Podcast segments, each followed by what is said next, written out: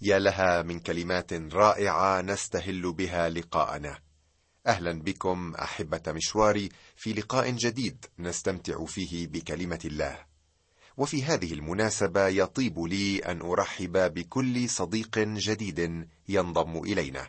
وإن كان يستحيل أن أوجز ما درسناه معا حتى الآن لكنني سأكون سعيدا في إرسال ما تمت دراسته حتى الآن. فغرض هذه الدراسة هو فائدة كل واحد منا بأكبر قدر ممكن. لذلك أدعو كل من فاته جزء أو أكثر من هذه الدراسة أن يكتب إلي عن ذلك وسأفعل ما بجهدي لتأمينه إليه. مرة ثانية أرحب بكم معي الآن. تناولنا المرة الماضية الحديث عن خلق العالم. قلنا أن الله أوجد العالم من العدم قبل بلايين السنين ثم أصبحت الأرض خربه وخالية بسبب كارثة ما حصلت لها لا نعرف عنها الكثير ربما تتعلق بسقوط الشيطان. ثم بدأنا نتأمل في الأيام الستة التي فيها تمت إعادة تنظيم الأرض وإعدادها مسكونة للإنسان. لم يخلق الأرض من العدم في هذه الأيام الستة. بل أعاد خلقها أو رتبها ليستوطنها الإنسان. قلنا أنها أيام حرفية عادية مكونة من أربع وعشرين ساعة وليست حقبات دهرية طويلة كما يدعي البعض. مر بنا في أول يومين عمل النور فيما يتصل بالأرض وصنع الغلاف الجوي الذي يخزن رصيدا ضخما من المياه. وفي وقفتنا أمام اليوم الثالث قرأنا عن عمل جديد عن تجميع المياه التي تحت السماء إلى مكان واحد وهو البحار وعن ظهور الأرض المعدة لسكن الإنسان. أما اليوم الرابع فقد تزين بترتيب الشمس لتضيء النهار ولا يوجد أجمل من أشعة الشمس إن كان ذلك في شروقها أو غروبها. ثم القمر الذي ينير الليل ويضفي جوا من الشاعرية على الأمسيات. أرجوك مستمعي أن تنظر إلى القمر الليلة إذا كانت السماء صافية لترى عظمة الخالق وتوجه قلبك وعواطفك من نحوه. إن الأربعة أيام هذه عبارة عن تأسيس وتثبيت لظروف الحياة إلى أن تأتي الحياة نفسها في اليومين الخامس والسادس وهذا ما سنراه بعد قليل. وظروف الحياة كما قلنا هي النور والجو الملائم والطعام. نأتي الآن إلى اليوم الخامس إلى المشهد الذي يموج بالحياة حيث نرى الله يجد مسرته في وفرة الحياة وتنميتها. نقرأ لك يا أخي من الأصحاح الأول ابتداء من العدد العشرين وحتى نهاية الأصحاح. وقال الله لتفض المياه زحافات ذات نفس حية وليطر طير فوق الأرض على وجه جلد السماء. فخلق الله التنانين العظام وكل ذوات الأنفس الحية الدبابة التي فاضت بها المياه كأجناسها وكل طائر ذي جناح كجنسه ورأى الله ذلك أنه حسن. وباركها الله قائلا أثمري واكثري واملئي المياه في البحار وليكثر الطير على الأرض. وكان مساء وكان صباح يوما خامسا. وقال الله لتخرج الأرض ذوات أنفس حية كجنسها بهائم ودبابات ووحوش أرض كأجناسها. وكان كذلك. فعمل الله وحوش الأرض كأجناسها والبهائم كأجناسها وجميع دبابات الأرض كأجناسها. ورأى الله ذلك أنه حسن. وقال الله نعمل الإنسان على صورتنا كشبهنا فيتسلطون على سمك البحر وعلى طير السماء وعلى البهائم وعلى كل الأرض وعلى جميع الدبابات التي تدب على الأرض. فخلق الله الإنسان على صورته على صورة الله خلقه ذكرا وأنثى خلقهم. وباركهم الله وقال لهم أثمروا واكثروا واملأوا الأرض وأخضعوها وتسلطوا على سمك البحر وعلى طير السماء وعلى كل حيوان يدب على الأرض. وقال الله إني قد أعطيتكم كل بقل يبزر بزرا على وجه كل الأرض وكل شجر فيه ثمر شجر يبزر بزرا لكم يكون طعاما. ولكل حيوان الأرض وكل طير السماء وكل دبابة على الأرض فيها نفس حية أعطيت كل عشب أخضر طعاما. وكان كذلك. ورأى الله كل ما عمله فإذا هو حسن جدا. وكان مساء وكان صباح يوما سادسا. هناك نوع من التطور والارتقاء قد تم ولكن هذا لا يعني أن كل شيء أتى من خلية واحدة صغيرة بل أن الله خلق كل مخلوق ثم حدث تطور من كل واحد. يقول في العدد الحادي والعشرين أن المياه فاضت بالحيوانات كأجناسها فخلق الله التنانين العظام وكل ذوات الأنفس الحية الدبابة التي فاضت بها المياه كأجناسها وكل طائر ذي جناح كجنسه. ورأى الله ذلك أنه حسن. كجنسه والتي تترجم إلى حسب كل أنواعها أو شعبتها مثلا الشعبة الواحدة لا تحتوي على حصان واحد بل على كل عائلة أو سلالة الحصان. لقد خلق الله نوعا واحدا وحدث تطور داخل النوع الواحد وليس من نوع إلى آخر كما يدعي التطوريون. كما وحدث انحطاط أو انحدار في نفس السلالة والبعض منها قد انقرض. لقد خلق الله هذه الحيوانات الضرورية لخدمة الإنسان في اليوم الخامس. وباركها الله قائلا أثمري واكثري واملأ المياه في البحار وليكثر الطير على الأرض. حتى هذه المخلوقات غير العاقلة أرادها الله أن تستمتع بظروف الحياة بالإثمار والتكاثر اللذين يرافقان نشاط الحياة.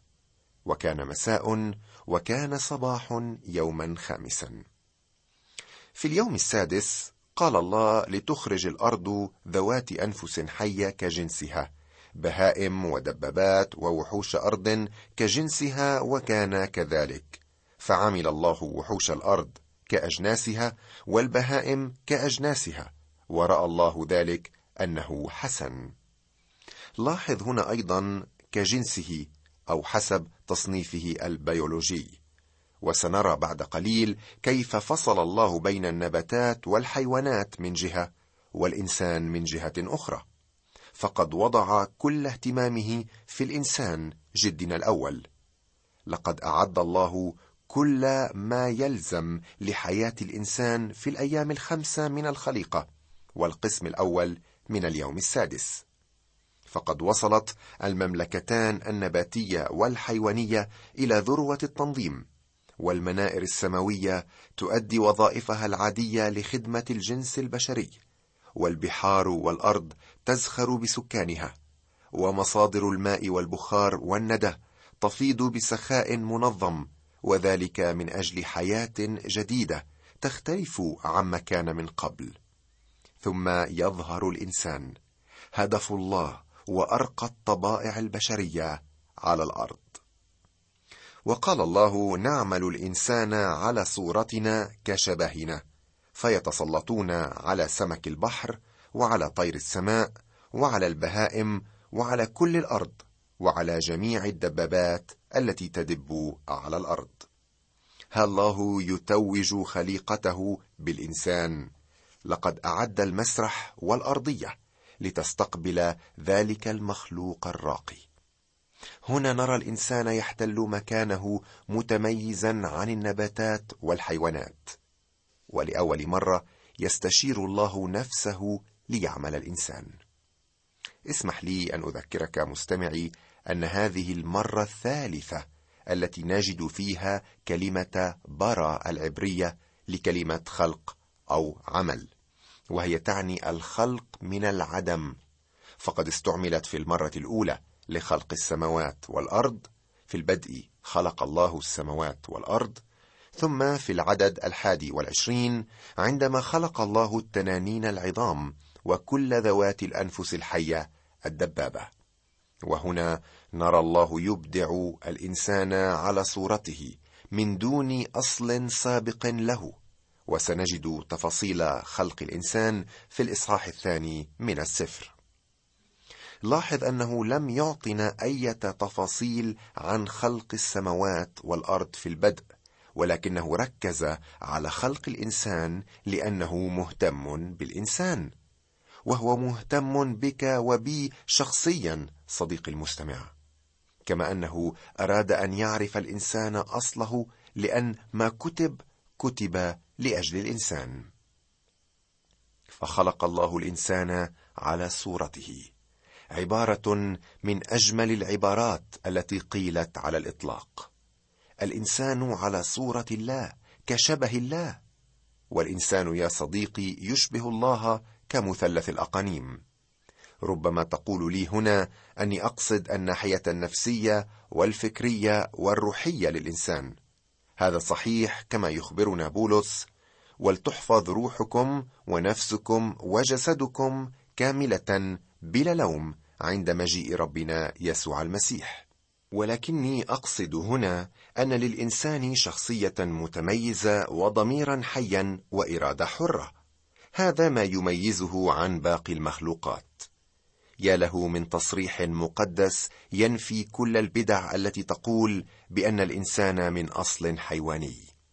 كما وتعني هذه العبارة أن الإنسان يمثل سلطان الله على الأرض حتى ولو أصبح عاجزا فيما بعد. تذكر بأن الإنسان هنا في حالة البراءة يعرف أن يميز بين الخير والشر ويتجنب الشر.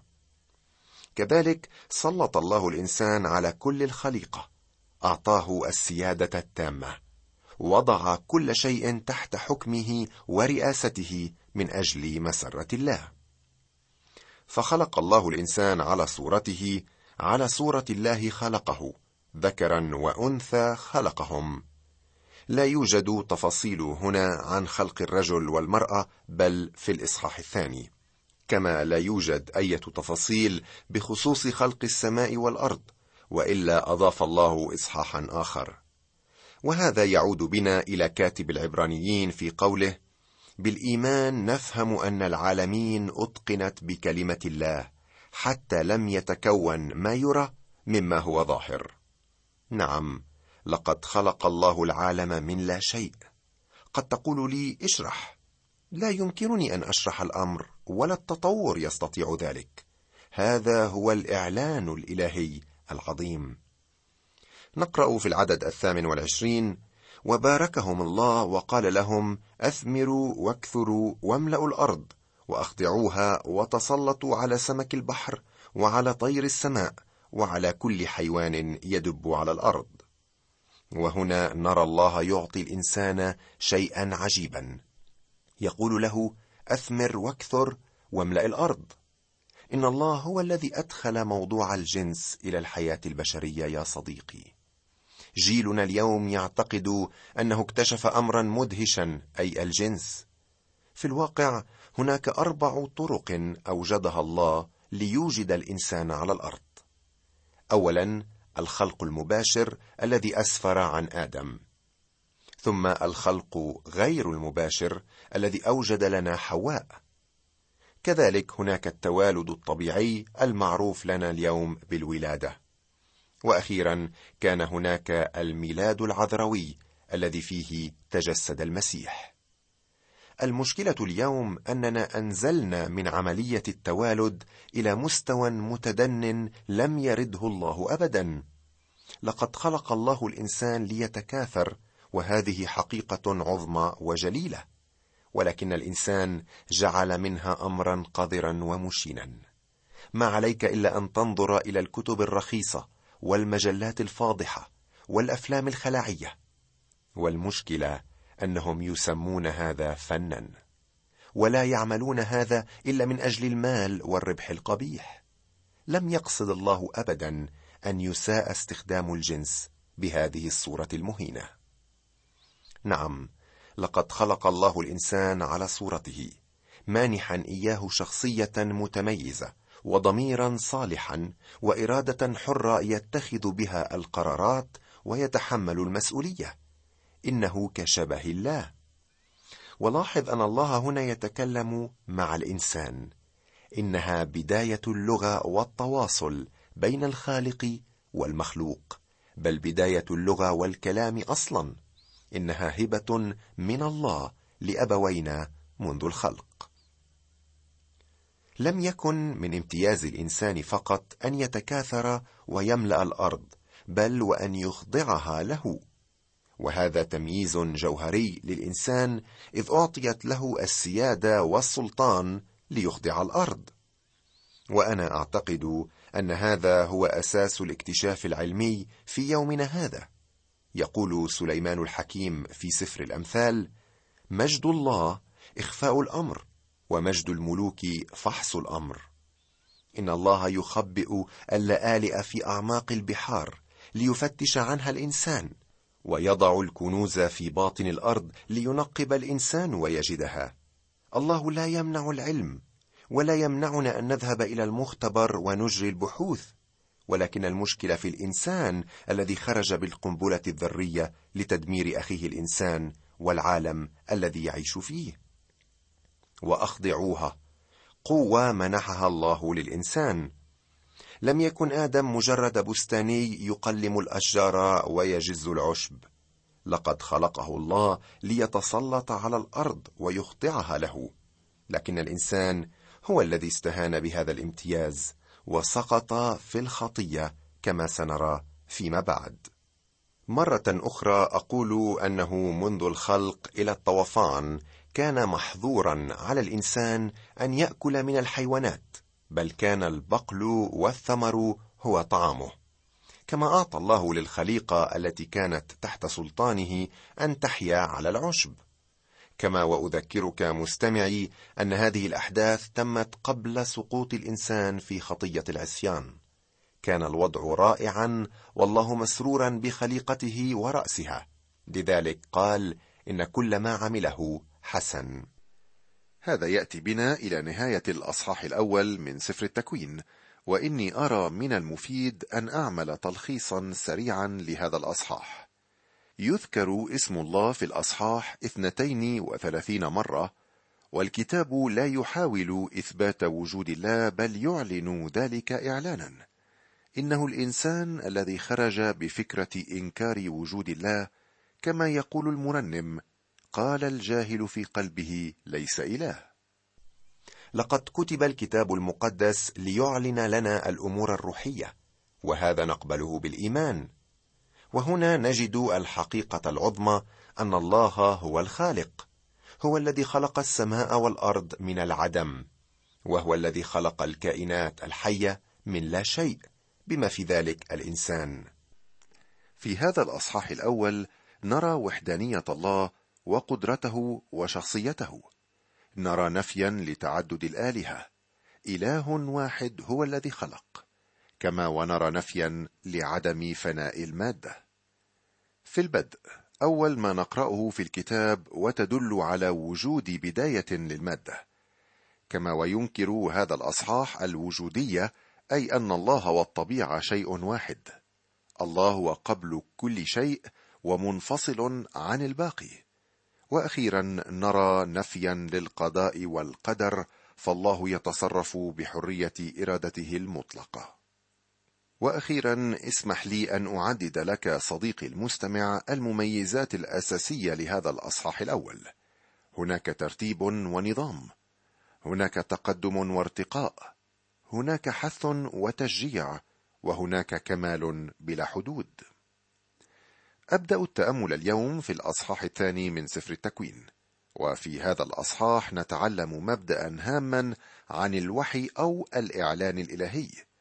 إنه مبدأ التكرار أو الخلاصة أي أن الوحي يذكر عدة حقائق ثم يعاود شرحها بتفصيل أكثر في مواضع أخرى من الكتاب. هذا ما سنراه في الفصل الثاني. إذ قد رأينا خلق الإنسان في الأصحاح الأول بشكل مختصر والآن سندخل في تفاصيل هذه العملية. وكأننا سنضع اليوم السادس للخليقة تحت الميكروسكوب لنفصل محتوياته. هذا المبدأ نراه بأكثر وضوح في سفر التثنية الذي هو عبارة عن تفسير للناموس أو الشريعة وليس مجرد تكرار لا قيمة له في الكتاب المقدس. كذلك لا يوجد لدينا إنجيل واحد بل أربعة وهكذا دواليك. يبدأ الأصحاح بالحديث عن اليوم السابع أو يوم الراحة. نقرأ فأكملت السماوات والأرض وكل جندها وفرغ الله في اليوم السابع من جميع عمله الذي عمل. فاستراح في اليوم السابع من جميع عمله الذي عمل. وبارك الله اليوم السابع وقدسه لأنه فيه استراح من جميع عمله الذي عمل الله خالقا. ولكن هل هذا يعني أن الله تعب فاحتاج إلى الراحة؟ هل قال في نفسه لقد مر علي أسبوع حافل ولا بد لي أن أرتاح قليلا كلا يا صديقي. عندما انتهى الله من عمل الخليقه في ستة أيام رأى أن كل شيء حسن ولم يبق شيء آخر يعمله. أما بالنسبة لي فأنا لا أترك المكتب وقد انتهى كل شيء. دائما يوجد أمامي أعمال لأعملها. لا يمكنني أن أقول قد انتهيت من جميع أعمالي. عمل الله الخليقه في ستة أيام واستراح في اليوم السابع بمعنى أنه أتم العمل ولم يبق شيء للعمل. وفي هذا درس روحي عميق. فكاتب العبرانيين يذكر لنا أن المؤمن يدخل في راحة بواسطة عمل المسيح على الصليب. لقد مات المسيح قبل ألفي عام من أجلك ومن أجلي وقدم لنا الفداء حتى نرتاح. وهكذا يقول بولس إذ قد تبررنا بالإيمان. لنا سلام مع الله بربنا يسوع المسيح. لا أحتاج حتى إلى تحريك خنصري لأخلص. يسوع دفع كل الثمن وأتم الفداء. صديقي المستمع لقد خلق الله الإنسان لينظر إلى أعلى ليس فقط من حيث الوضع الخلقي بل وفي اتكال تام على الله كمصدر للخير والصلاح. ولكنه مع الأسف سعى إلى الاستقلال عن الله عن طريق الخطية. خسر الله وانحرف عن المسار الصحيح. ولكن ابن الله أخلى نفسه وتنازل ومات على صليب العار وصار خلاصا لجميع الذين يؤمنون به. فهل تؤمن به؟ أتوقف عند هذا الحد صديقي المستمع لأن الوقت أدركنا. سأكون بانتظارك في المرة القادمة لنواصل تأملاتنا في الأصحاح الثاني من سفر التكوين. إلى أن يحين موعدنا هذا أصلي أن تدوم في سلام الله ورعايته.